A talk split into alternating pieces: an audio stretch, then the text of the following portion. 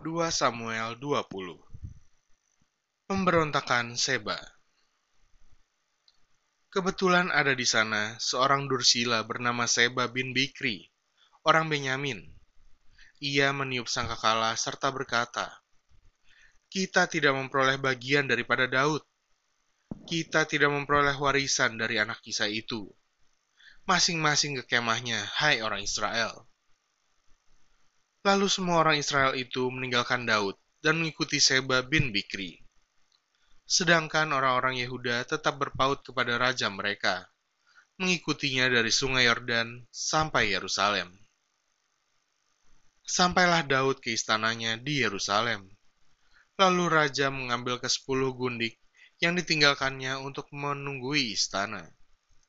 Kemudian dimasukkannya mereka dalam sebuah rumah di bawah penjagaan ia memelihara mereka, tetapi tidak dihampirinya.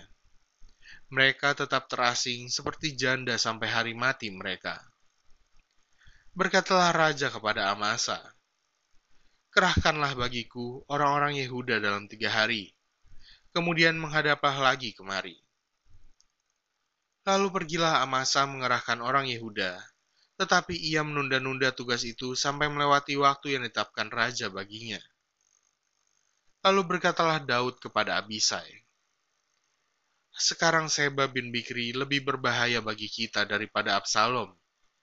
Jadi engkau, bawalah orang-orang tuanmu ini dan kejarlah dia, supaya jangan ia mencapai kota yang berkubu, dan dengan demikian ia luput daripada kita.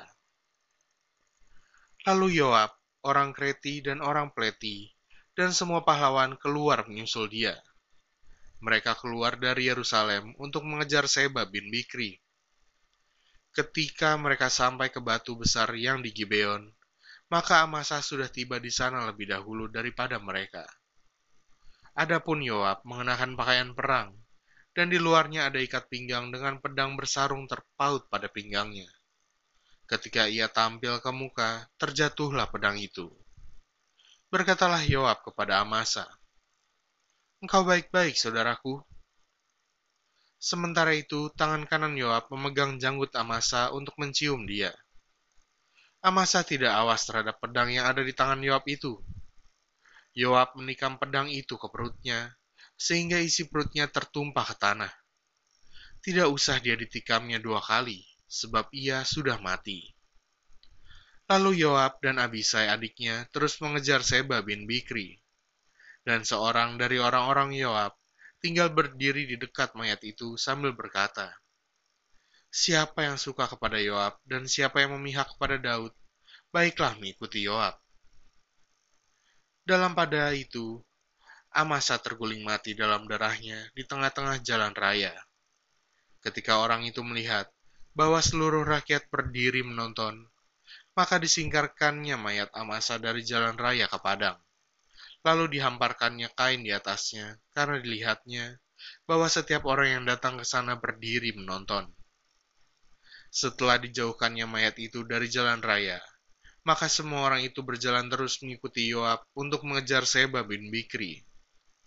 Seba telah melintasi daerah semua suku Israel menuju Abel Bet Maaka, dan semua orang Bikri telah berkumpul dan mengikuti dia. Tetapi sampailah orang-orang Yoab lalu mengepung dia di Abel Bet Maaka. Mereka menimbun tanah menjadi tembok terhadap kota ini, dan tembok ini merapat sampai ke tembok luar, sedang seluruh rakyat yang bersama-sama dengan Yoab menggali tembok kota itu untuk meruntuhkannya. Lalu berserulah seorang perempuan bijaksana dari kota itu. Dengar, dengar, katakanlah kepada Yoab, mendekatlah kemari, supaya aku berbicara dengan engkau. Maka mendekatlah Yoab kepada perempuan itu. Bertanyalah perempuan itu, Engkaukah Yoab?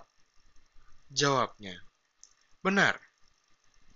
Lalu berkatalah perempuan itu kepadanya, Dengarkanlah perkataan hambamu ini. Jawabnya, Baik. Kemudian berkatalah perempuan itu, Dahulu biasa orang berkata begini, Baiklah orang minta petunjuk di Abel dan di Dan. Apakah sudah dihapuskan apa yang telah ditetapkan oleh orang-orang yang setia di Israel? Tetapi engkau ini berikhtiar membinasakan suatu kota, apalagi suatu kota induk di Israel. Mengapa engkau hendak menelan habis milik pusaka Tuhan? Lalu Yoab menjawab, Jauhlah, jauhlah daripadaku untuk menelan dan memusnahkan. Bukanlah begitu halnya. Tetapi seorang dari pegunungan Efraim yang bersama Seba bin Bikri telah menggerakkan tangannya melawan Raja Daud. Serahkanlah dia seorang diri, maka aku akan undur dari kota ini. Lalu berkatalah perempuan itu kepada Yoab, Baik, kepalanya akan dilemparkan kepadamu dari belakang tembok ini. Kemudian masuklah pula perempuan itu dan berbicara kepada seluruh rakyat dengan bijaksana. Sesudah itu mereka memenggal kepala Seba bin Bikri dan melemparkannya kepada Yoab. Yoab meniup sangkakala, lalu berserak-seraklah mereka meninggalkan kota itu, masing-masing ke tempatnya. Maka pulanglah Yoab ke Yerusalem kepada raja pegawai-pegawai Daud.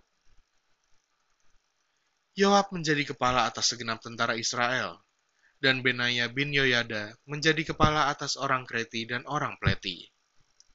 Adoram menjadi kepala orang Rodi, dan Yosafat bin Ahilut menjadi bendahara negara. Seya menjadi panitera negara. Zadok dan Abiatar menjadi imam. Juga Ira, orang Yair itu, menjadi imam pada Daud.